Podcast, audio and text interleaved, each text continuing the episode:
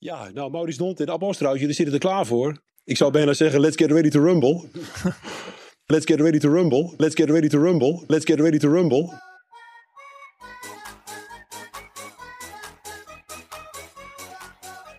Fijn dat mensen een apart standpunt innemen, maar doe dat bij een talkshow. Ga ergens zitten, ga naar het Malieveld, maar niet hier waar mensen druk bezig zijn om andere mensen te helpen.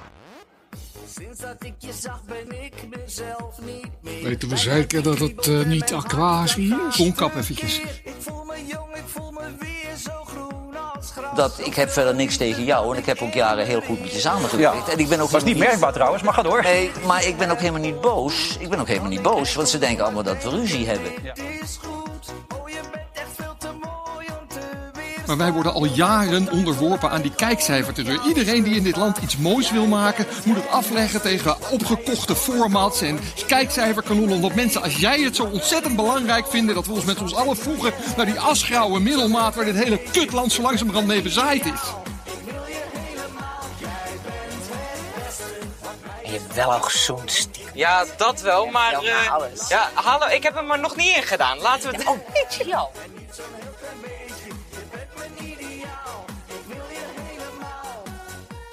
Onze wappie gelooft niet in corona. Dat is allemaal verzonnen. Het is één groot complot. Dus gaat wappie ook heel vaak protesteren. En dan blaast hij op een fluitje. En dan slaat hij op een pot. Zeven zonden zou ik zonder meer begaan.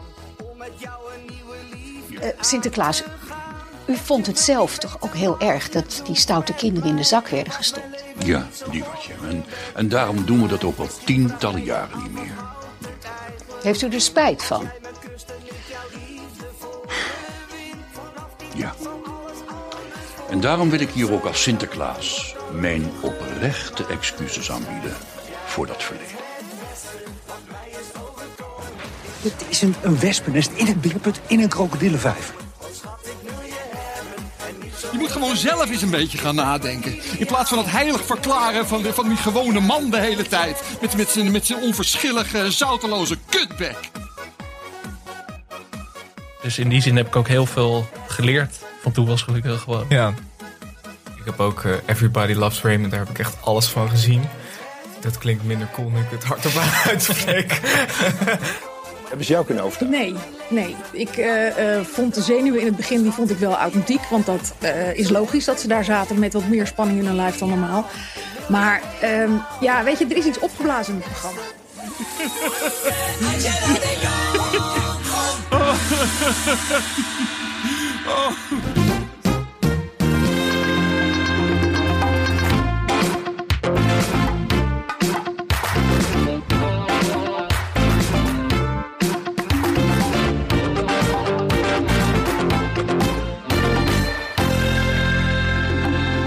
Welkom bij het tweede deel van de XXL eindejaarsaflevering van Televisie. De podcast waarin we praten over tv-programma's die al niet terecht in de vergetelheid zijn geraakt. Of over programma's die iedereen kent, maar niemand ooit gekeken heeft. Programma's die in onze jeugd een onuitwisbare indruk op ons hebben gemaakt... nog steeds bij veel mensen een nostalgisch gevoel oproepen. Hebben ze de tand destijds doorstaan? Verdienen ze een nieuwe cultstatus? Onderzoek het in televisie. Ik lees het weer heel enthousiast voor en ik bedenk nu... het slaat helemaal nergens op. Hele tekst slaat helemaal nergens op. Elke week, sla- eh, elke week lees ik het voor, slaat elke week nergens op. Maakt niet uit. Je denkt verder gewoon elke keer, ons concept bestaat eigenlijk helemaal niet meer. Maar ik lees het toch maar voor, voor de vorm. Het concept heeft drie weken bestaan. Maar goed. Ehm, we gaan verder met de eindejaarsaflevering. We zijn eh, lekker aan het terugblikken op dit malle, gekke jaar. Ehm waarin we talloze hoogtepunten eh, hebben. We hebben audioberichten van, eh, van onze vrienden. We hebben eh, suggesties van, van onze luisteraars. En we waren gebleven bij... ehm, bij Lubach. Dat was het laatste wat we besproken. Nu gaan we het hebben over, nou ja, onder meer onze grote vriend Ab Osterhaus. En we hebben daarvoor ook een... Ja, eh, de man van 2020. d- zeker, de, toch wel. de man eh, met zijn wijntjes van eh, 2020. En eh, we gaan erbij even luisteren naar een eh, audiobericht van onze grote vriend Sam Planting. We kunnen natuurlijk hier eh, een grappige inzending doen. Maar voor mij is eh, het hoogtepunt van de televisie 2020 in mijn ogen toch een beetje een mager jaar. Als we dan toch weer met z'n allen gaan doen alsof eh, The Queen's Gambit een topserie was. In plaats van, eh, van prima kijkvoer. Voor mij was het hoogtepunt uh, de, de, de heldenrol, of juist de schurkenrol van uh, Lalo, gespeeld door Tony Dalton in uh, Better Call Saul. vooral eindigend in een confrontatie in de slaapkamer tussen het personage Kim Wexler, gespeeld door Ray Sheehorn, misschien wel de beste televisieactrice van dit moment, en een Lalo die op bloed uit is. Want Lalo is een extreem charismatische uh, extreem knappe, extreem vrolijke uh, psychopaat van het uh, Mexicaanse drugskartel in het Breaking Bad universum. Dat is mijn, mijn hoogtepunt van, van televisiejaar 2020. Wie ik in 2021 heel graag nog meer zou willen zien is ja, de onbekende speler, maar Ab Oosterhuis. in sommige kringen bekend als de David Beckham van de virologie. ja, ik denk toch wel dat je een format of drie, vier, vijf er, eruit moet kunnen persen uit gewoon dit pure brok charisma. Ja, uh, dankjewel Sam voor, voor, de, voor de woorden en uh, voor uh, nou ja, de andere serie tips of niet tips. Um, ja, we kunnen niet om appels trouwens heen. En zijn wijntjes en zijn talkshow optredens. Nee. Hoe vaak, hoe vaak denk je dat App dit jaar bij Op1 heeft gezeten?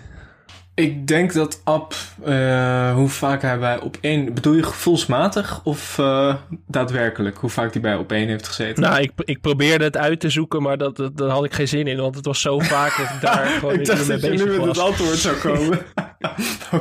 nee. Hij zat er zo vaak dat het me te veel werd om uit te zoeken. Ik bedoel, dat, dat geeft het wel aan. Toch Maar, wel minstens uh, 50 keer? Nou, bij alle talkshows bij elkaar toch wel. wel 50 keer, denk ik. Ja. Want hij begon nog een beetje onschuldig bij één vandaag en dat soort dingen. Maar daarna echt op één eh, werd gewoon ap één op een gegeven moment. Het was Ja. gewoon, er was niet meer, eh, hij was niet meer weg te slaan gewoon. Op een gegeven Ja, moment maar- ook wel een soort van vermoeidheid. Eh, eind november had ik een beetje, zat ik in een ap, eh, in een ap ga weg fase, apdipje, apdip. Maar inmiddels heb ik hem toch wel weer omarmd, zeg maar. Je kan ook niet zonder ap, zeg maar. Als je dan op Nee. één aanzet, zonder ap is het ook gewoon gelijk kut. Zeg maar, het is, dan is het niks meer. App hoort ook een beetje bij het, eh, bij het meubilair. Maar wat, ik, wat mij dus opvalt is dat, kijk, App doet niet alleen op één. Hij doet natuurlijk ook, eh, nou, ik las nog een groot interview volgens mij in Volkskrant Magazine met App. Nou, vanochtend was hij dan ook weer, ehm, nu het over het vaccineren gaat, dan is hij ook weer, volgens mij deed hij dan weer een interview met de Telegraaf, waarin hij werd opgevoerd als deskundige. Nou, hij heeft het er, eh, heeft het er ontzettend druk mee.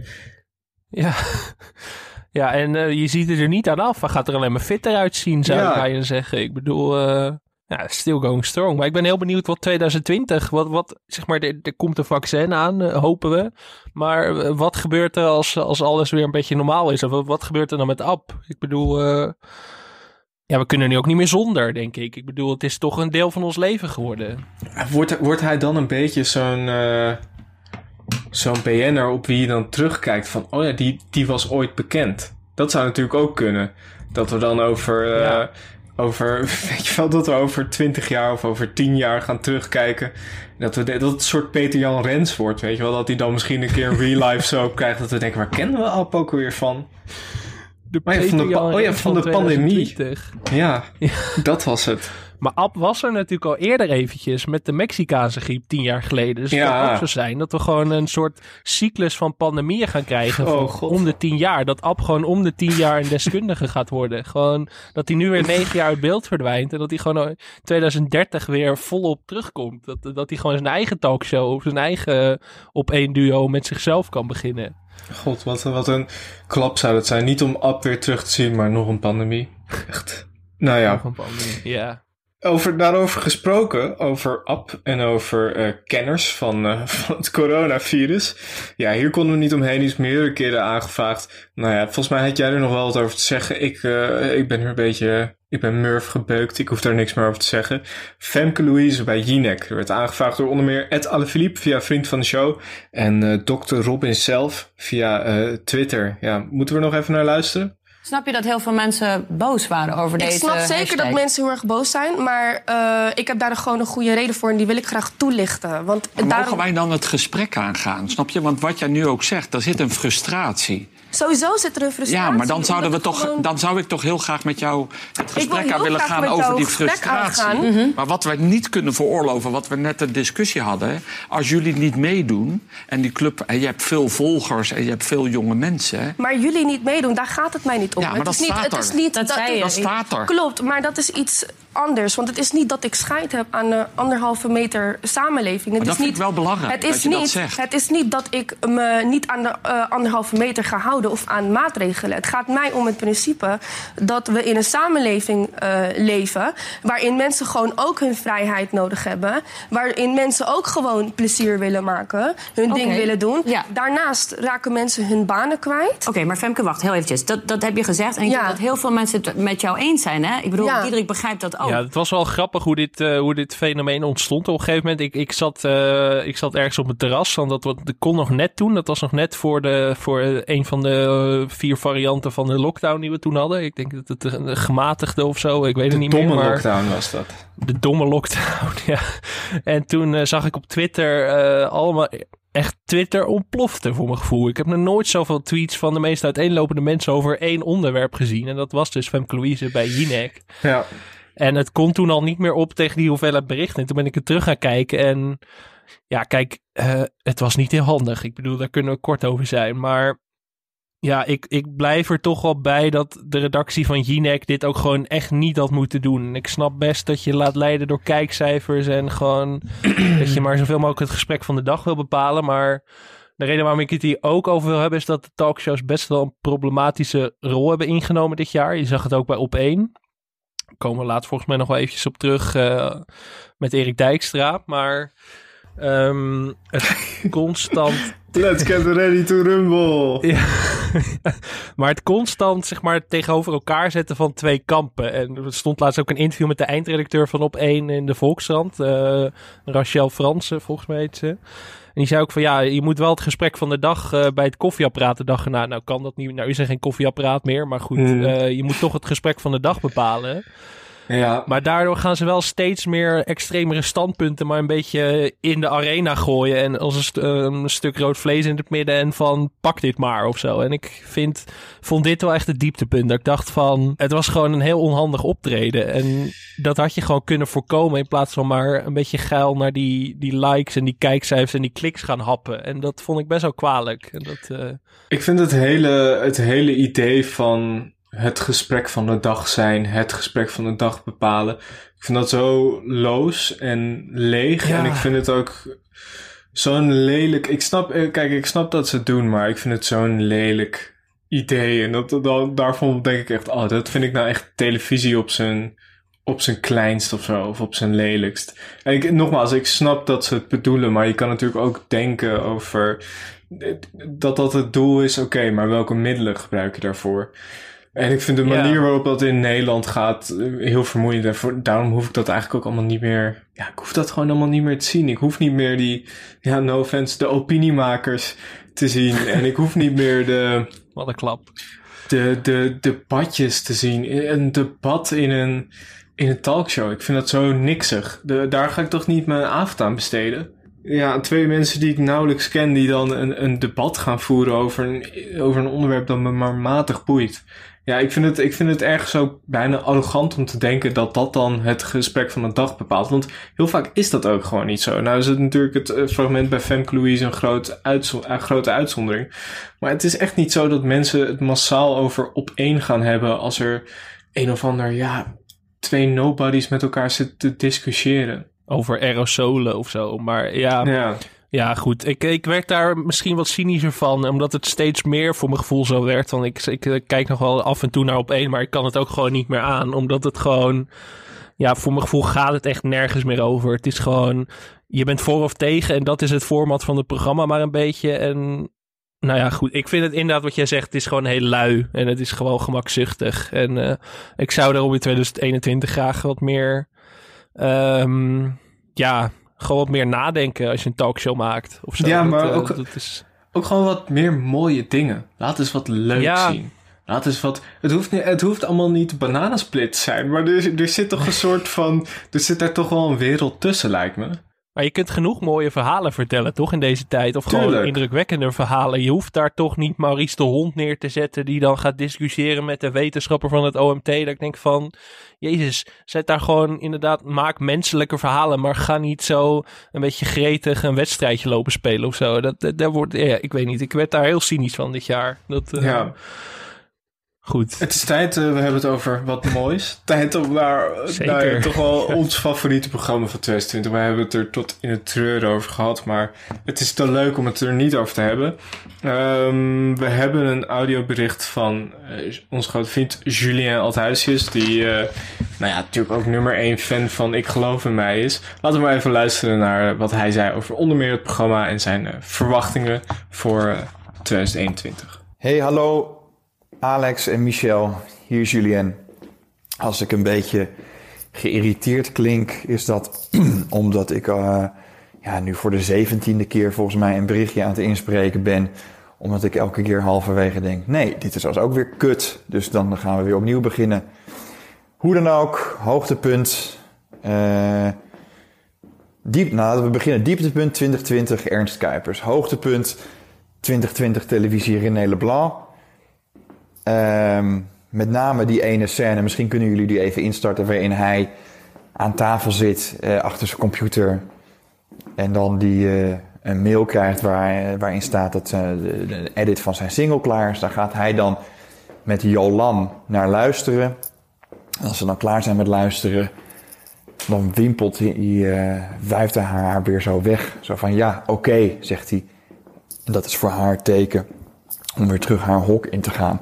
Jolan, Ja. ik heb de clip binnen. Oh, spannend. Van Koen heeft net gestuurd. Oh, daar ben je. Ja, serieus. Oh, leuk. Oh, dan ben ik wel heel benieuwd Ja, ik hoe ook. dat is geworden. Nou, eh, laat maar even komen dan. Ik ben even op televisie gezet. Ja. Dan kun je even groot Ja, eh, terugkijken groot dan of zo. Ik ben wel even benieuwd of zo, eh, hoe dat eruit ziet. Volgens mij moet je die, dan die code intikken. Kleine letter W, hoofdletter C. Dat is hoofdletter. Ja. Ik weet het niet, schat. Even opzoeken dan even één tellen, want anders dan... eh, Het zijn kleine letters. Ja, nu wel. Dat is toch raar, daar staat de hoofdletter. Nee. Wel waar. Als je op die 1, 2, 3 klikt, dan zie je dat er Ja, maar. hoofdletters komen. Is het alleen A? Nee, W. We beginnen met de kleine W. Ja, eh, dat gaat niet zo snel. God man, doe het zelf dan. Nu ga je naar dat 1, 2, 3. Dus dat gaat, dat gaat niet lukken zo dan. Dat kan ik je nou wel vertellen. Als ik hem even doorstuur. Ja, stuur hem even naar mijn mail toe. Dan kijk ik daar wel even. Ja, tuurlijk. Het zit vandaag ook echt mee, hè? hoezo? Je hebt Ja, nou als batterij leeg, want de snoer is uit de laptop. Sorry. Je hebt van die dagen, hè? Hij moet helemaal opnieuw opstarten weer nu. Gods. Maar ik snap er geen reet van, want alles zit gewoon goed aangesloten. Ik heb hem al. Ja, maar ik vind het gewoon kloten. Want ding moet gewoon op tv ge- afgespeeld kunnen worden. Even kijken. Ja, doe even opnieuw dan. Doe even opnieuw dan. Even opnieuw. Jezus man. verschrikkelijk verontrustend en, en, en, en triest en onaardig en ook heel erg grappig. Zin in 2021. Uitkijken naar. Ik ben benieuwd naar dat nieuwe programma van Matthijs van Nieuwkerk. Ik ben benieuwd naar hoe de media en, en dan vooral nou, eigenlijk eh, de, de grote nieuwszenders, eh, NOS en RTL, de, de, de verkiezingsdebatten gaan aanpakken. Ehm, maar ik heb vooral heel erg veel zin in iets wat niet politiek is en niets met corona, covid en lockdowns te maken heeft, maar het EK voetbal en al het talkshow, voorbeschouwen, nabeschouwen, al dat gelul wat daar omheen zit. Eindeloze brei van wedstrijden die je weinig interesseren, maar die je dan toch aan gaat zetten om er even naar te kijken. En, en stadions, ook al zijn die half vol of voor een derde vol of voor een tiende vol. Ik heb daar heel erg veel behoefte aan. En natuurlijk misschien nog wel een nieuw programma met John Williams. Gelukkig nieuwjaar. Of als dit. Ja, wanneer wordt dit eigenlijk uitgezonden? Of wanneer is dit klaar? Dus misschien ehm, moet ik niet zeggen eh, gelukkig nieuwjaar of nog fijn uiteinde. Of Maar misschien knippen jullie dit er eh, gewoon wel uit en kan ik nog even eh, doorpraten. En eh, nou ja, hoe vinden jullie het zelf eigenlijk gegaan met die, met die podcast van jullie?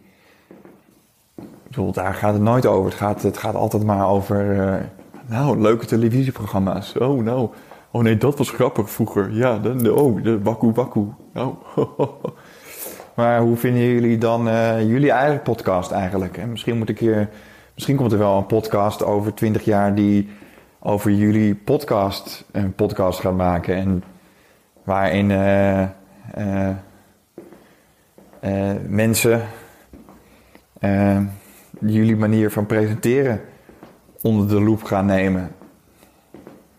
Ja, misschien gaat dat wel gebeuren. Hoe dan ook, prettige feestdagen. Nee, de kerst is al geweest trouwens, dat slaat nergens op. Eh, maak er een mooi nieuwjaar van. Eh, moedig voorwaarts. Ja, jij zei net even luisteren, maar je had gewoon drie rondjes kunnen gaan hardlopen in de tussentijd al gewoon. Het was een eh, fantastisch Heel mooi. audiobericht. Dank daarvoor, Julien. Vooral ook eh, vanwege de vraag, hoe vinden jullie zelf eh, dat het gaat? nou ja, ik vond het dat het best oké ging, maar nu ga ik daar echt heel erg aan twijfelen. Ja, ik vond het EK, eh, inderdaad, het- dat vergeet je gewoon bijna weer. Maar in juni is er gewoon een EK, als alles goed gaat. Ja, Nou, dan, krankzinnig. dan zit ik wel echt... eh, Kijk, we zijn natuurlijk allebei voetballiefhebbers. Dan zit ik echt eh, een maand lang op de bank. Ik kom er niet meer vanaf. Ook als je naar buiten mag, dan, dan Nee. je ook gewoon binnen. Nee, dan, eh, ik zit dan gewoon een maand lang op de bank. Dan komt de Tour de France, zit ik nog een maand op de bank. Daarna komt de Olympische Spelen, zit ik nog een maand op de bank. Ik heb geen idee. Iedereen mag uit lockdown en dan beginnen al die eh, toernooien. Als ze dat nu zouden doen, zou ik echt eh, al die weken lang zonder probleem thuis kunnen blijven. Echt een eh, heel fijn Ja, vooruitzicht. waar, inderdaad ook het, het praten over... Ik ben niet zo heel erg van het voorbeschouwen en het nabeschouwen... maar wel bij zeg maar de grote wedstrijden... bij de Champions League, bij, bij het Nederlands elftal. Oh, dan kan het me niet lang genoeg duren. Dan, weet je, dat, dat weet ik nog, eh, WK 2010. Dat je dan om één uur 's middags de tv aanzet. Ja, ja, ja. Er zat daar... eh, Boudewijn Zenden met eh, de zus van Ja, John ja, Heitinga. Ja, fantastisch. Fantastisch. Ik vind het ook wel mooi dat je zegt, ik ben niet zo van het nabeschouwen. Terwijl we al bijna anderhalf uur aan, aan het nabeschouwen zijn op tv-jaar 2020. Dat, eh, Ik ben wel meer van het nabeschouwen dan het voorbeschouwen. Ehm, ja. ja, god, ik geloof in mij. Ja, er waren echt zo ontzettend veel hoogtepunten. Was bijvoorbeeld eh eh, Ed Bas33, eh, die zei eh, op, op de vriend van de show, zei hij, het moment dat Rutger aan zijn buurvrouw vraagt of, of ze meegaat naar zijn optreden op de boot, en ze met een door, doorrookte stem zegt, ik denk het niet, nee. Ja, dat was heel Laten goed. we er heel even naar gaan luisteren, even Ja. heel kort. Ja. Ik ben op de camping wel een lokale held. Ja, ja, absoluut. Mensen kijken heel erg naar je. Ja, en waar kijken ze dan naar? Kijken ze naar jou als persoon? Of denken ze van, hé, daar heb je die, eh, die zanger. Of daar heb je die, eh, die mislukkeling. Ja, het is maar net hoe, hoe ze je zien. Engelien, vanmiddag, jij weet ervan toch dat ik 20 jaar in het vak zit volgend jaar. Heb jij interesse om mee te gaan op de boot vanmiddag? Ik denk het niet. Ja, en 2020 was natuurlijk het moment dat wij eh René Leblanc leerden kennen. Zo, wat een moment. Ja, om, het nog heel even over Julien te hebben. Wat hij toen schreef in zijn tv-recensie, dat wil ik nog even quoten. Want het was echt heel erg mooi. Hij schreef toen over René Leblanc. Als tv-recensent kun je soms denken dat alles al gedaan is. Niets nieuw meer is. Dat verrast worden niet meer voor je is weggelegd. Dat de heide misschien nog wel af en toe in bloei staat, maar je er niet meer door gegrepen wordt. En toen kwam René Leblanc.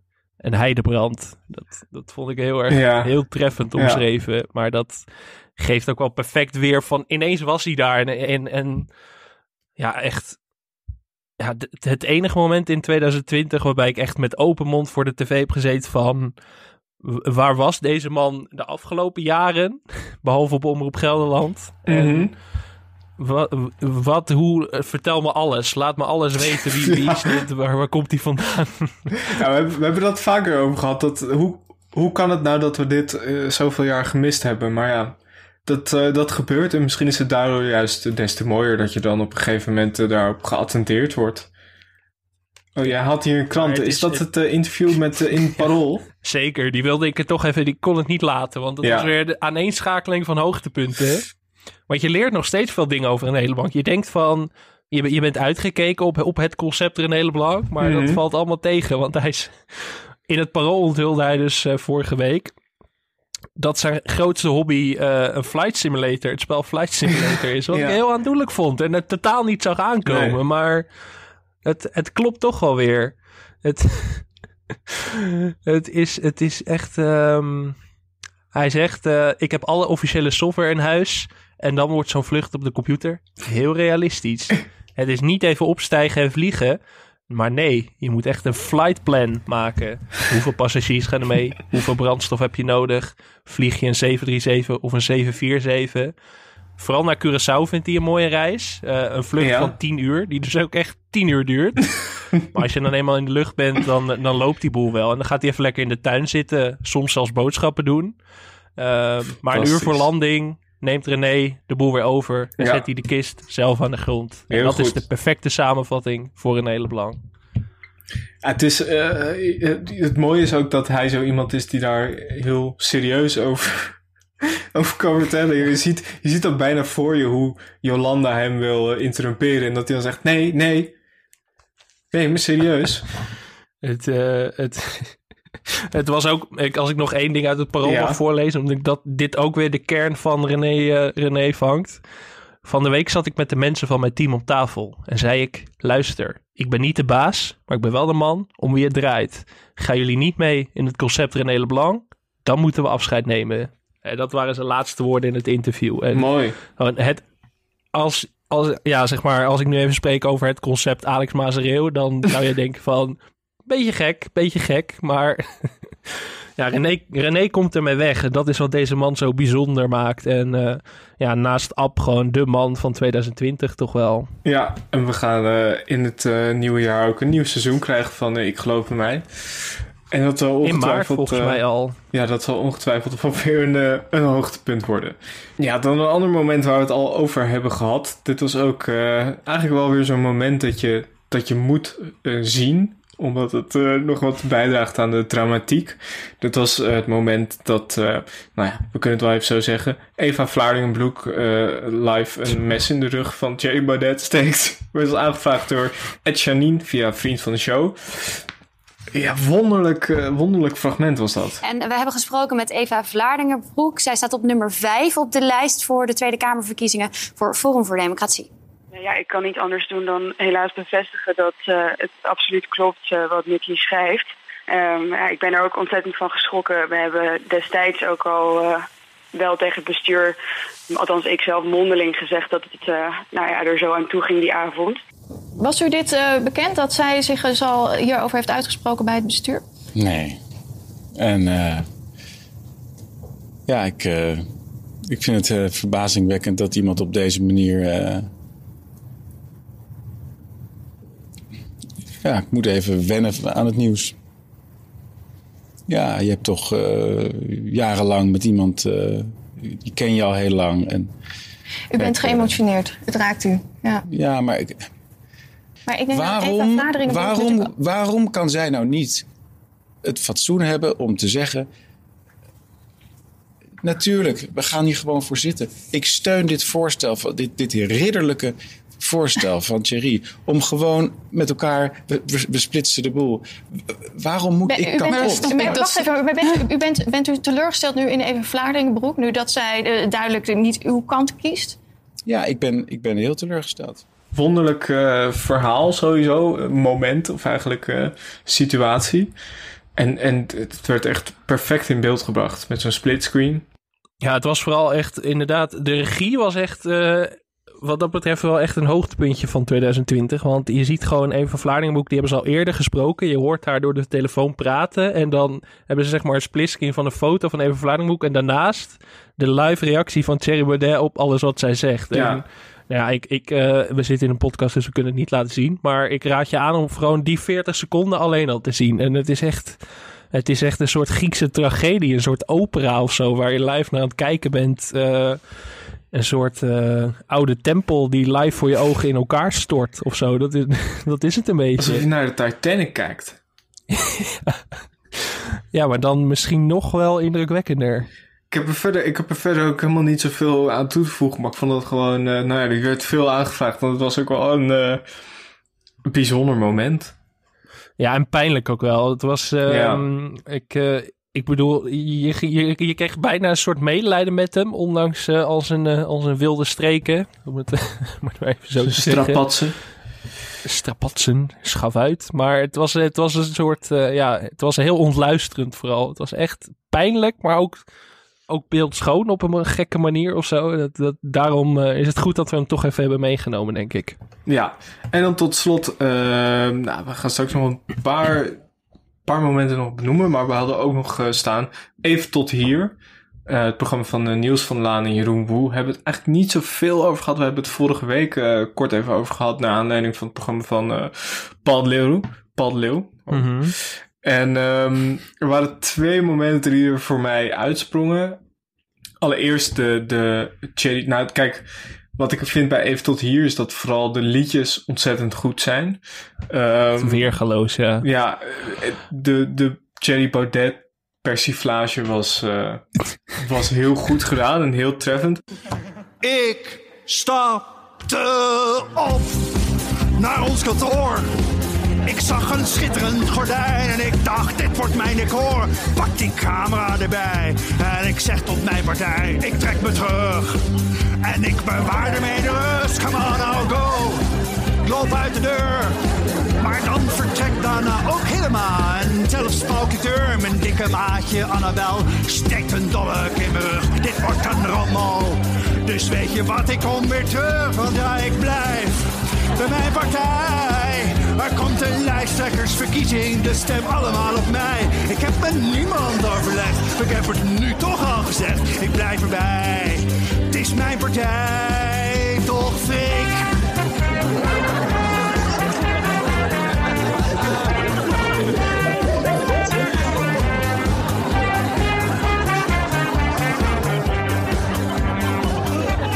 Maar eh, het meest bekeken en meest besproken moment was natuurlijk eh, vorige week Joep van het Hek die eh Wappie zong in plaats van Flappy. en eh, daar kunnen we ook even een stukje naar luisteren.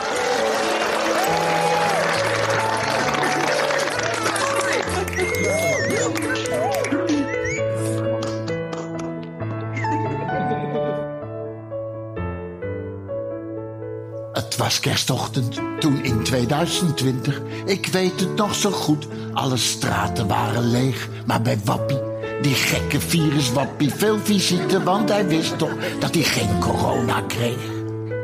Onze Wappie gelooft niet in corona, dat is allemaal verzonnen. Het is één groot complot, dus gaat Wappie ook heel vaak protesteren. En dan blaast hij op een fluitje en dan slaat hij op een pot. En hij was zelfs nog naar Den Haag gegaan. Toen Rutte die redenvoering deed. Hij stond de hele avond op een pan te slaan. Hij wist ook niet waarom hij dat deed. Maar hij houdt zich niet aan anderhalve meter, want dat boeit geen reet. Ja, ja echt, echt heel erg goed. Het is eh, wel eh, controversieel, want het was op Facebook eh, verwijderd, zag ik. Ze weten nog steeds niet precies waarom. Maar Nee, het, ik eh, snap ook niet zo goed waarom eigenlijk.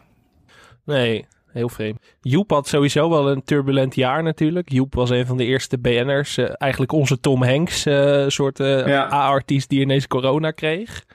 Ehm, veel te doen altijd om, om Joep. Als Joep een interview geeft, dan, eh, dan weet je al dat Twitter in de fik gaat staan de dag erna. Mhm. maar, maar hij gaat toch weer de oudejaarsconferentie doen. Maar ehm, ik denk dat hij zijn hoogtepunt toch wel gehad heeft met Wappie. Ik denk dat dat, eh, dat, dat wel het... eh, Eigenlijk hoop ik, eh, hoop was. ik dat gewoon terug te zien in, in de oudejaars. Dat zou een mooie af, het zou een perfecte afsluiting zijn van, van 2020, denk ik. precies heel tekenend. Maar ehm, ja, je had het al over, je had het al even over even tot hier. Ehm, we, ja, eh, ik, ik kijk het niet, zeg maar. Ik heb nog niet echt per se hele uitzendingen teruggezien. Maar wat ik ervan zie, vind ik altijd wel. Dan denk ik echt van.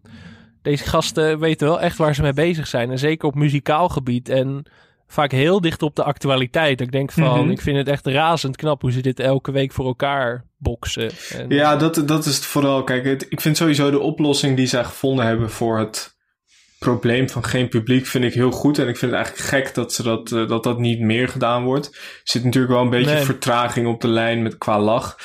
Soms een beetje vervelend vind ik dat. Maar ja, verder, verder is dit denk ik wel de beste manier om het te doen. En het is inderdaad qua actualiteit en hoe ze... Nou, je ziet gewoon dat het hele goede, ervaren theatermakers zijn. Want in de liedjes zijn allebei ontzettend muzikaal. Vooral ook... ehm, aan het einde weten ze, hebben ze altijd een quiz met, eh, met de mensen thuis. En ze weten dat altijd ontzettend goed ook aan elkaar te weven en aan de actualiteit te weven. Dus dat is eh, ja, heel goed. Ik vind het qua, misschien dan puur qua satire, qua echt grappen tussendoor, is het eh, minder sterk dan Lubach. Maar het, het muzikale gedeelte vergoedt heel veel, vind ik. Precies, maar qua, nou ja, qua amusement en qua satire was het best wel een goed jaar dan, toch wel. Want mensen zeggen vaak van, eh, in deze tijd is het eh, verdomd moeilijk om satire te maken en zo. Dat, eh, maar goed, als je, als je het allemaal zo optelt, je hebt Lubach, je hebt Even tot hier, je hebt Promenade, je hebt eigenlijk Mhm. voor ieder wel wat wils. Zeg maar Even Ja. tot hier voor het grote publiek. Zondag met Lubach een beetje meer voor de hoogopgeleide, wat meer linkse gang. En dan heb je Promenade voor, eh, voor de echte grote spelers natuurlijk. Maar nee. Nee, maar die hebben Maar nu natuurlijk ook, hè? Voor, het, voor, het- voor allebei, alle soorten publiek. Al ook, ook de lage opgeleide uit de provincie. Ja, Uitstekend. maar goed, dat is, je hebt wel, eh, wat dat betreft zitten we wel goed. Je hebt natuurlijk ook nog Dit Was Het Nieuws, zeg maar ook Ja. eh, een lang gekoesterde favoriet. van Gaat ons binnenkort beiden, ook weer wel. beginnen. Precies, dus eh, in die zin hebben we daar niet per se over te klagen, denk ik. Nee. Ehm, ik zag ook trouwens, dat was wel dat, niet per se een hoogtepunt, maar heb jij eh, onlangs eh, de aflevering van Bo gezien eh, met de imitaties van onder meer Mark Rutte en Johan Derksen? Ja, dat heb ik gezien. Oei, daar komt dus ook een programma van. Volgens mij op Oudjaarsdag wordt er al een special uitgezonden. Ehm, Het deed me een beetje denken aan dat eh, poppenprogramma dat John de Mol ooit eh, heeft gemaakt. Weet je dat nog? Met die pratende poppen, met die imitaties. Met die imitaties die soms heel goed waren, maar dan, ja, de scène sloeg gewoon compleet dood. dat was ook met Jeroen van de Boom, toch? Of Ja, ja. Of- Nee, klopt. Zeker. Zo over obscure titels gesproken. Maar dat, ja...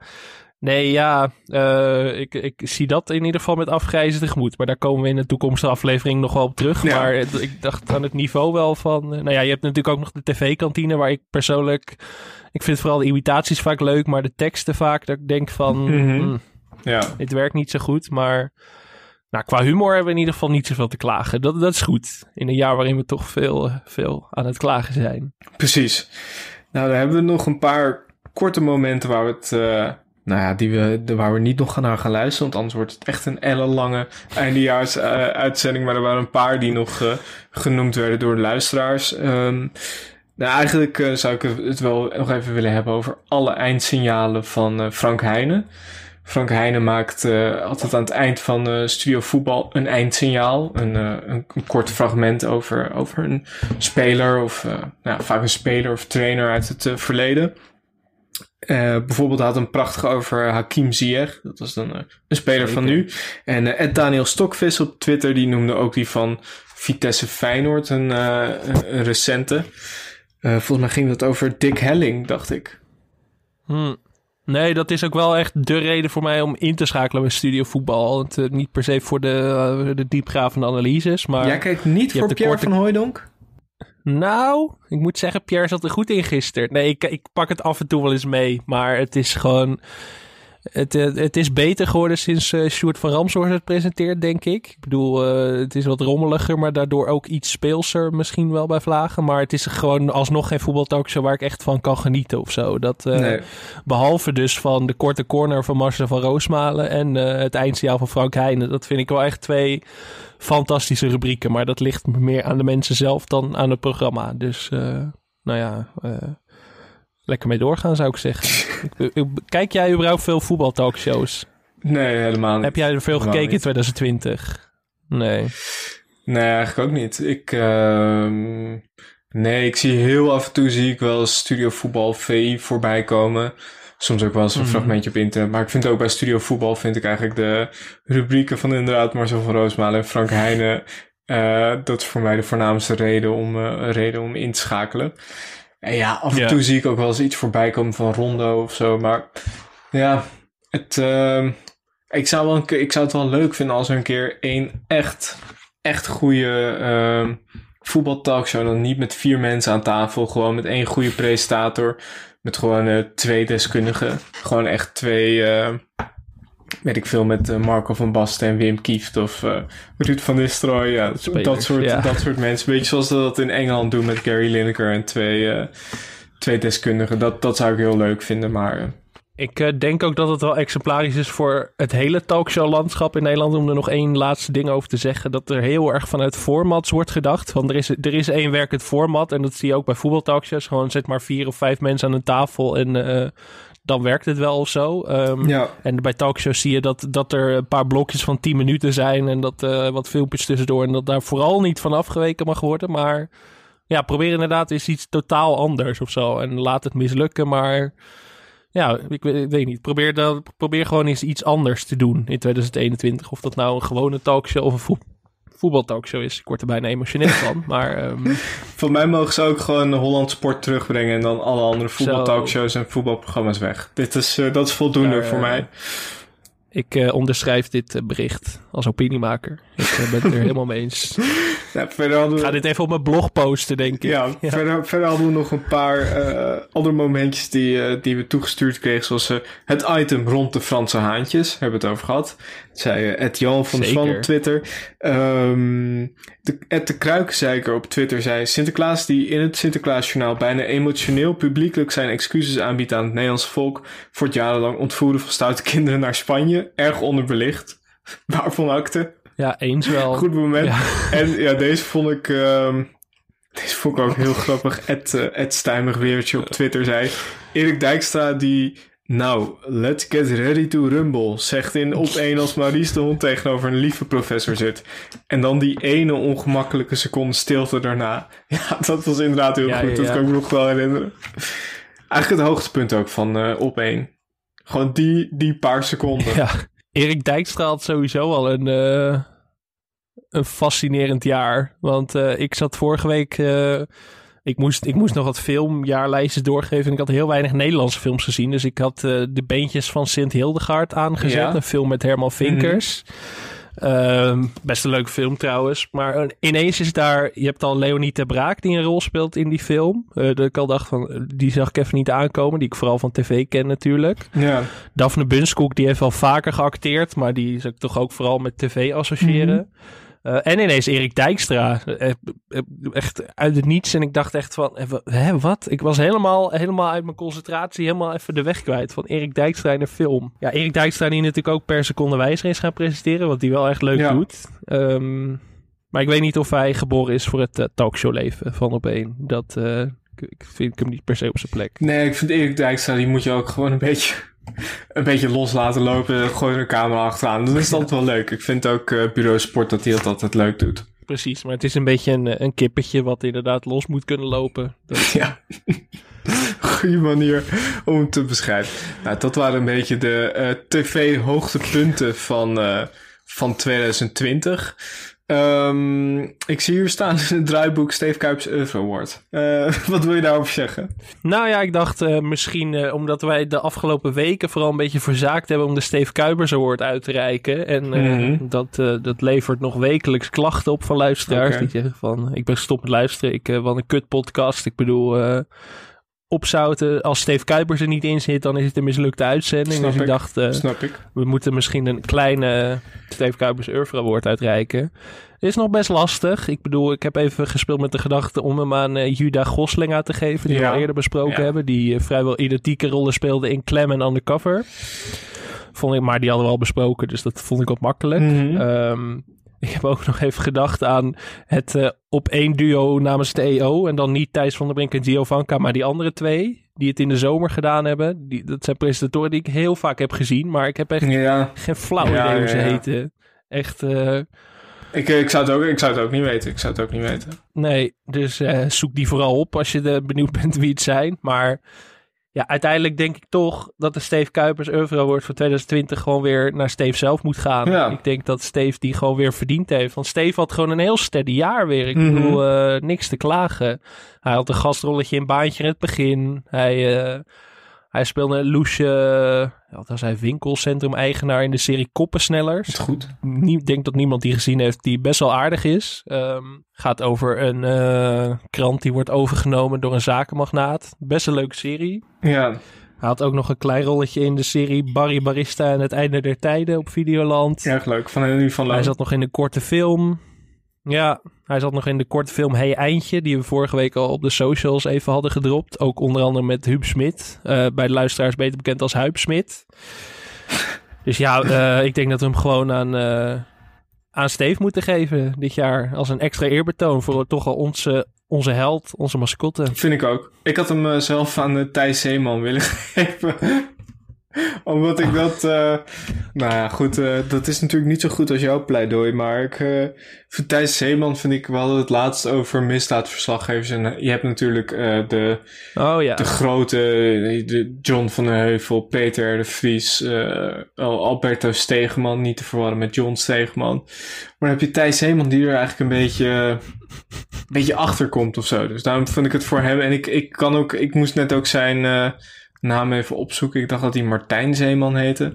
Ehm, ook wel omdat Thijs... Die is... Ja, dat is de ploegleider. Oh ja. Alleen Murijn Zeeman heet hij. Nou, en ook wel omdat Thijs Zeeman ons echt een fantastisch artikel eh, en mooie kop heeft geschonken. Ik citeer even het AD. Bizarre wending. Thijs Zeeman ontdekt dat Anna zichzelf stalkt. Programma Zeeman confronteert. Dat was een vrouw die zichzelf stalkte. Ja, Wow, wat een, wat een sikke plot twist, zeg. Dat, wat, ja goed. hè? Echt jammer dat ik dat Ja. gemist heb. Ja. Ja, nee, het was, eh, het was, een, eh, het was een beetje een sneuwe, sneuwe zaak. Volgens mij krijgt eh, die mevrouw ook, ook hulp nu. Maar wonder, echt wonderlijke, wonderlijke aflevering. Een wonderlijk artikel daarover. Hey, en als we nou een beetje terugblikken op eh, wat we zelf gezegd hebben. Ik, eh, ik, eh, ik moet nog even mezelf corrigeren. Ik heb volgens mij halverwege dit jaar gezegd dat ik het helemaal niet erg vond om voetbal te kijken zonder publiek. Dat ik het eigenlijk misschien wel beter vond. Daar moet ik mezelf toch even corrigeren. Want misschien heeft dat ook met het spel van Feyenoord te maken sinds september. Dat, dat zou een rol Mhm. kunnen spelen. Maar het is toch wel echt eh, een stuk waardelozer om het te kijken zonder publiek. Het, eh, Ja, ik, vind eh, ik ook. Vind ik ook. Ik vind dat toch Ik een hele het- slechte take van mezelf. Dus daar moet ik mezelf even rectificeren. Ik vind het ook een beetje... eh, Nou ja, ik merkte, ik merkte vooral dat ik de Eredivisie wel heel erg gemist heb. Mhm. Eh, in de tijd dat het er niet was. En ehm, ja, ik merk het ook bij het buitenlands voetbal. Ik merk het vooral met Champions League voetbal. Dat vind ik op de een of andere manier niet zo boeiend meer. Misschien eh, ligt dat ook eh, aan het grote geld. Aan. Je kan er van alle redenen voor verzinnen. Maar vooral toch, wel het, ja, vooral toch wel het feit dat er geen publiek zit... vind ik heel eh, mistroostig eigenlijk. Ja, precies. Dus dat is wel, ja, toch bij nader inzien een dieptepuntje van 2020. Als we het daar toch Ja. even over moeten hebben. Ik denk dat het tijd is voor onze persoonlijke top 3 hoogtepunten van het jaar. Oh ja. Ja, we hebben het tussen de regels door al een beetje benoemd volgens mij. Maar gewoon eh, Ja. voor de helderheid misschien goed om nog even te benoemen. Eh, Zeg het maar. Laat maar weten. Nummer 3. Ja, nou ja, goed. Ehm, we hebben het er al over gehad. Maar gewoon het concept René Leblanc is mijn nummer drie. Gewoon het moment waarop hij in Mhm. onze levens kwam. En dan met name het moment eh, op, eh, wat was het, in een bejaardentehuis dat hij gaat optreden en verkeerd wordt aangekondigd. En de hele aanloop daar naartoe is gewoon pure televisiegeschiedenis. En daar, daar kom je denk ik nooit meer overheen. Dat, dat, ik geloof in mij piekte daar en... ehm, dat, dat is voor mij een moment dat me altijd zal bijblijven. Dat hij voor een publiek wat er niet echt is, of in half zit te slapen, of eh, onderweg is eh, naar betere orde, gewoon staat te zingen. En eh, ja, dat, die treurigheid daarvan vind ik eigenlijk ook wel symbolisch voor 2020. Dus dat is mijn nummer drie. Wat jij? Eh, ik, nee, ik heb het net al genoemd, maar het was toch het, uh, Tel Backhand rant van Dirk Emmer. Eigenlijk is het gewoon een eh, overkoepelende nummer drie voor Promenade, maar dat vond ik echt een hoogtepunt. Nummer 2. Ja, mijn nummer twee heb ik ook al genoemd. Dat was André van Duin bij de Wereldrijd Door. Of eigenlijk de, of de hele laatste week van de Wereldrijd Door. Gewoon alle afleveringen Mhm. werkten daar. En ik vond alles goed. En ik vond ook het einde heel goed. Maar André van Duin die daar aan tafel bij Matthijs eh La Bohème zingt. Dat, eh, dat vond ik echt oprecht een ontroerend moment. Dat zeg ik zonder enige ironie of eh, cynisme. Dus dat, Ja. dat is mijn nummer twee. Ja, voor mij was mijn nummer twee, maar die heb jij nou ook al genoemd. Dus we, we Oh. overlappen echt heerlijk. voor mij was dat eh, dus de, ja, de, eer- de- de- onze eerste ontmoeting eigenlijk met René Leblanc. Vooral de eerste aflevering dat je de mentale voorbereiding in die soort van caravan ziet. En daarna inderdaad eh, als René Blanchet het eh, optreden. Nou ja, fantastisch. En natuurlijk ook het moment dat het... ehm, het, video, de video van Engelbert Humperdinck binnenkomt en zo. Nou ja, dat, dat, ja, fantastisch. Het was echt een hoogtepunt van dit jaar. En aan een schakeling aan hoogtepunt. Eigenlijk was René was elke week garant voor een hoogtepuntje. Gewoon zeven weken Ja. lang. En dat, Ja. eh, dat verdient een pluim. Nummer 1. Eh, ja, mijn nummer 1 moet wel naar Promenade gaan. Toch het programma waar ik dit jaar het meest van genoten heb. Eh, dat zal je niet verbazen. Mensen die me volgen op Twitter of zo weten dat ik er niet over op kan houden. Maar het moment waar ik misschien wel het hardst om gelachen heb dit jaar... was toch wel het moment waarop, eh, nou ja... ehm, Eva Krutse het podium op kunt lopen als tv-columnist. eh, eh, het geweten van Hilversum en stem van het volk, Angela de Jong. En dat, dat Mhm. gewoon de aanloop en de opbouw. Je vraagt je af waarom heeft ze zulke rare kleren aan en zo. Maar dat, dat en die payoff uiteindelijk, dat ze op komt lopen als Angela de Jong. En die beweging met die afstandsbediening maakt. Dat, dat is, toen heb ik hem echt op pauze moeten zetten omdat ik zo hard moest lachen. Dus ik moest daar wel voor Ja. gaan. En, maar eigenlijk is mijn nummer één gewoon promenade aan zich eh, als geheel. Omdat ik het een, gewoon een weergeloos goed programma vind. Maar goed, dat is een open deur. Mooi. Ja, mijn eh, nummer 1, ja, dat is eigenlijk echt heel saai. Ik zat een beetje te twijfelen. Ik zat toch te denken, wat staat me nou het echt het meest bij? Maar we hebben het al over de persconferentie gehad. Maar voor mij was het toch, denk ik, de eerste ehm, ja, toespraak van Mark Rutte uit het torentje. Het was toch echt, een, eh, echt een moment dat, wa- wat gevoelsmatig iedereen zat te kijken. Ja. En ik, ik had er ook een beetje. Dat was ook wel. Na afloop dacht ik wel, ja, volgens mij eh, komt het uiteindelijk wel goed. Dit was nog een beetje de hoopvolle periode. Maar ik vond het. ehm, nou, dat was misschien wel. Kijk, eh, ik had het bij de persconferentie van 12 maart ook. Maar dat was echt het moment dat ik dacht. Wat een, wat een tijd is dit. Van, Ongelooflijk. Nou, het is heel cliché natuurlijk, maar wat een rare tijd. En dat was. eh, op de een of andere manier voelde het wel heel fijn dat we dat eh, met z'n allen toen eh, eventjes konden. Dat we dachten, ja, even met z'n allen luisteren naar Mark Rutte die ons vertelt eh, wat een gek jaar dit is. Ja. En ehm, ja, ik, het voelde voor mij ook eigenlijk heel gek om dan iets anders op één te zetten of zo. Hoewel ik daar, het is niet iets waar ik van genoten heb. Ik heb veel meer genoten van de promenade of lang leven de liefde of eh, eh, ik geloof in mij. Maar ja, het was toch, eh, ik kan er niet omheen. En eh, die dingen werden bekeken door 8 miljoen mensen. Dus het was ook wel echt. eh, ja, mensen zaten weer massaal voor de tv. Wat voor een televisiepodcast natuurlijk ook. eh, nou ja, best, eh, best goed is. Ik bedoel. Maar eh, ja, mooi gesproken, zou ik willen zeggen. Wat was het eh, hoogtepunt? Wij hebben zelf nu, dit is de 25ste of 26ste Nee, aflevering. de 25ste. Oh ja, nee, shit. Ja, deel 2. Ja, officieel de 26ste. Wat, eh, wat was het hoogtepunt wat jij zelf, wat, we- ja, wat vond je het beste programma dat we hebben teruggekeken? Poeh, het beste programma. Ehm, ik, heb dit, ik heb dit heel vaak gezegd. Ehm, het, eh, mijn, mijn gelul ten spijt eh, is het volgens mij nog steeds onze minst beluisterde aflevering. Maar ik vond de Pelgrimscode heel leuk. En ik zou graag een Pelgrimscode-achtig programma weer willen in 2021. Het liefst ook weer Ja. met Wim Kieft en de Geit. Ehm, Ja, ja, ja. Ik vond ook, ja, Kees Co is een favoriet van mij, zoals ik al gezegd had. Dat is nog steeds wel een, eh, een sitcom waar ik graag op terugval. Ook omdat, eh, nou ja, goed, als we het toch over 2020 weer hebben, dan eh, qua sitcoms is het niet per se goed in Nederland. Ik, ik zou er niet eens eentje kunnen noemen nu, uit mijn hoofd. Nee. Ja, je had, je had niks te melden wat misschien in de buurt kwam, maar dat was niet echt een sitcom natuurlijk. Dat was meer een, ja, hoe zouden we dat omschrijven? Ja, dat was wel echt gewoon een pure comedy-serie volgens mij. Ja, ook wel. Ja, dat misschien nog. Maar verder was het eh, vrij karig. Wel een goed jaar voor Nederlandse dramaseries, denk ik. Ik bedoel, eh, Ja. we hebben het over Klem gehad, dat echt een heel goed seizoen had. Hollandse Hoop. Eh, je hebt nu de serie IM over Isha Meijer en Connie Palme op NPO+. Plus, ook erg goed. Koppensnellers, dus dat, eh, dat waren allemaal wel goede, goede titels, denk ik. Waar was, had ik het ook weer over? Oh ja, mijn hoogtepunten wat wij besproken hadden. Ehm, mm, mm, mm. Ja, ik denk toch wel, mijn favoriete uitzending was toch wel Ik geloof in mij. Dat was wel echt, Ja. eh, het was ook een soort van leeglopen van, je had een week lang allerlei takes kunnen verzamelen en die mocht je er in één keer uitstorten. Volgens mij hebben we ook niks meer aan, aan regelmaat in die uitzending gehad. Het was gewoon wij die feitjes over Ik geloof in mij gewoon over elkaar heen aan het storten waren. En dat, eh, dat was denk ik het leukste om te doen. Maar de, Ja. ja, het is elke week een feestje. Mijn persoonlijke hoogtepunten waren denk ik toch wel... Je hebt het een beetje eh, ondergebracht in categorieën. Sitcom, slow tv, zaterdagavond amusement. Mijn favorieten waren toch wel de one-man shows. Namelijk Help Mijn Man Klusser en eh, Peter R. de Vries misdaadverslaggever. Vond ik echt, vooral het programma van Peter R. de Vries, vond ik echt weergaloos. ik, eh, daar, had ik echt, daar had ik echt een hele avond naar kunnen kijken. Ontzettend goed. En ook uren over door kunnen praten, denk ik. Ja, maar dat, het was natuurlijk ook wel een hoogtepunt aflevering. Mhm. Met zeg maar de beste momenten van, eh, wat was het, een jaar of tien. Nou ja, het, ehm, nee, was, eh, dat was echt heel goed. En daar, dat, dat zou ik heel graag weer eh, terugzien.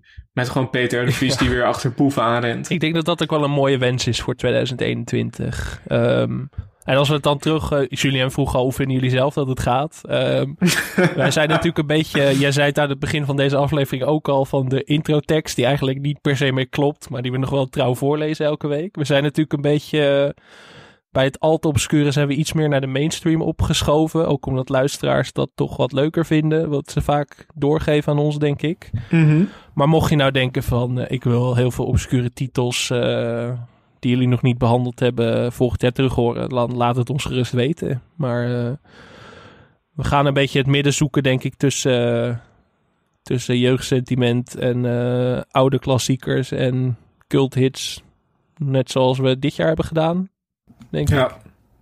En misschien is het ook leuk om het even te hebben over eh, 2021. Want los Ja. van de podcast, wat, eh, waar kijk je zelf naar uit? Ja, nou ja, we hadden het er echt eh, in het begin van de vorige uitzending al over. De, het programma van Matthijs van Nieuwkerk. Daar eh, Mhm. heb ik heel veel zin in. Eh, ik geloof in mijn seizoen 2. Ik ben heel benieuwd hoe ze dat gaan oppakken. Want er zijn heel veel personages die we echt vijf minuten gezien hebben. en waar we daarna niks meer van gehoord hebben. Dus ja. ik ben benieuwd of ze doorgaan op dezelfde voet. Of misschien nieuwe mensen gaan introduceren. Daar, ehm, daar ben ik het meest benieuwd naar. En verder hoop ik gewoon dat alles weer een beetje terugkomt. Zoals programma's eh, als We zijn er bijna die we besproken hebben en zo. Dat dat soort programma's weer terugkomen. Want dat eh, heb ik toch wel gemist dit jaar. Hoe gek dat ook klinkt. Om Mhm. een inner, inner- innerlijke boomer even los te laten. Maar eh, zo'n rustgevend programma als We zijn er bijna, dat, dat miste ik wel dit jaar. Dus ik hoop dat dat in 2021 weer terugkomt. Ja. Er zijn twee dingen waar ik zelf heel erg naar uitkijk. Dat één, daar heb ik het al over gehad, over de, de sportzomer. Daar heb ik echt zin in. De hele zomersport. Fantastisch. Elke dag, elke dag allemaal van die mensen dat je denkt, wie is dat ook weer? Oh ja, een marathonloper. Of ja, een speerwerper. Nou, dat vind ik, dat vind ik echt fantastisch.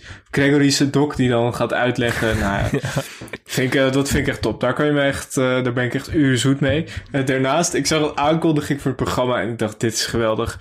John Williams die een programma gaat maken over tiny houses. Oh god. Ik weet eigenlijk niet precies wat het idee is van het programma. Maar het is gewoon John Williams en tiny houses. En eh, ja, volgens mij, eh, volgens mij komt dat eh, vrij snel in het nieuwe jaar. Ja, ja, ja, daar heb ik ja. ontzettend veel zin in. Dat, dat kan alleen maar goed zijn. Sowieso als John Williams met een nieuw format komt. Altijd leuk. Altijd leuk. Get the fuck out. Ja, Ja. Ik, eigenlijk moeten we dan eh, Julien weer vragen om dat programma te gaan bespreken. Dingen zou je bijna zeggen, hè? Om het, Ja. Ja, ik vind dat gewoon altijd omdat John Williams dus altijd al een beetje helpt met Mans Klusser doet. Vind ik het altijd lekker als er dan opeens iets nieuws komt. Ja. Waar die zich eh, eigenlijk gaat gewoon buigen. hetzelfde. Ja, ja, het is altijd, altijd, altijd een variant van hetzelfde. Ik denk dat, eh, dat we er wel doorheen zijn zo, hè? Ja, ik denk dat als we nog even doorgaan, dat mensen dit niet meer af kunnen luisteren voor, eh, voordat 2021 begint. Dus, eh, dus laten we er maar mee ophouden. Tenzij er nog iets is eh, wat jij met de luisteraars wilt delen voor 2021. Eh, stichtelijke woorden. Nee, nee, eigenlijk niet. Ik wens iedereen veel gezondheid. maar dat doe, ik al, dat doe ik al sinds maart. En dat heeft toen ook niet echt geholpen. Dus ik weet niet of je er Nee. veel aan hebt. Eh, nou, ik zou zeggen, geniet lekker van, eh van Oudejaarsavond. Er komen vast mooie programma's. Ook veel minder mooie programma's. Maar ja, dat hoort er ook een beetje bij bij Oudejaarsavond. En eh, laten we hopen op een, op een goed en mooi eh, 2021 met veel slechte programma's. Laten we het hopen. Nou, vond je deze podcast leuk? Laat een recensie achter op iTunes of stuur eens een bericht op Twitter of Instagram, televisiepod, of mail ons op televisiepodcast.gmail.com. Veel, dag, veel dank aan Dag en Nacht Media, aan Studio Cloak voor het tune en aan Wijts Valkma voor de illustratie. En eh, als je zelf een suggestie hebt voor een programma dat, je, nou ja, dat we in het nieuwe jaar kunnen bespreken, stuur het dan vooral ook in. Mailt ons, eh, stuur het via Vriend van de Show of eh, via social media. En dan gaan we het erover hebben. In 2021. Ja, tot, tot volgend jaar. Tot volgend jaar.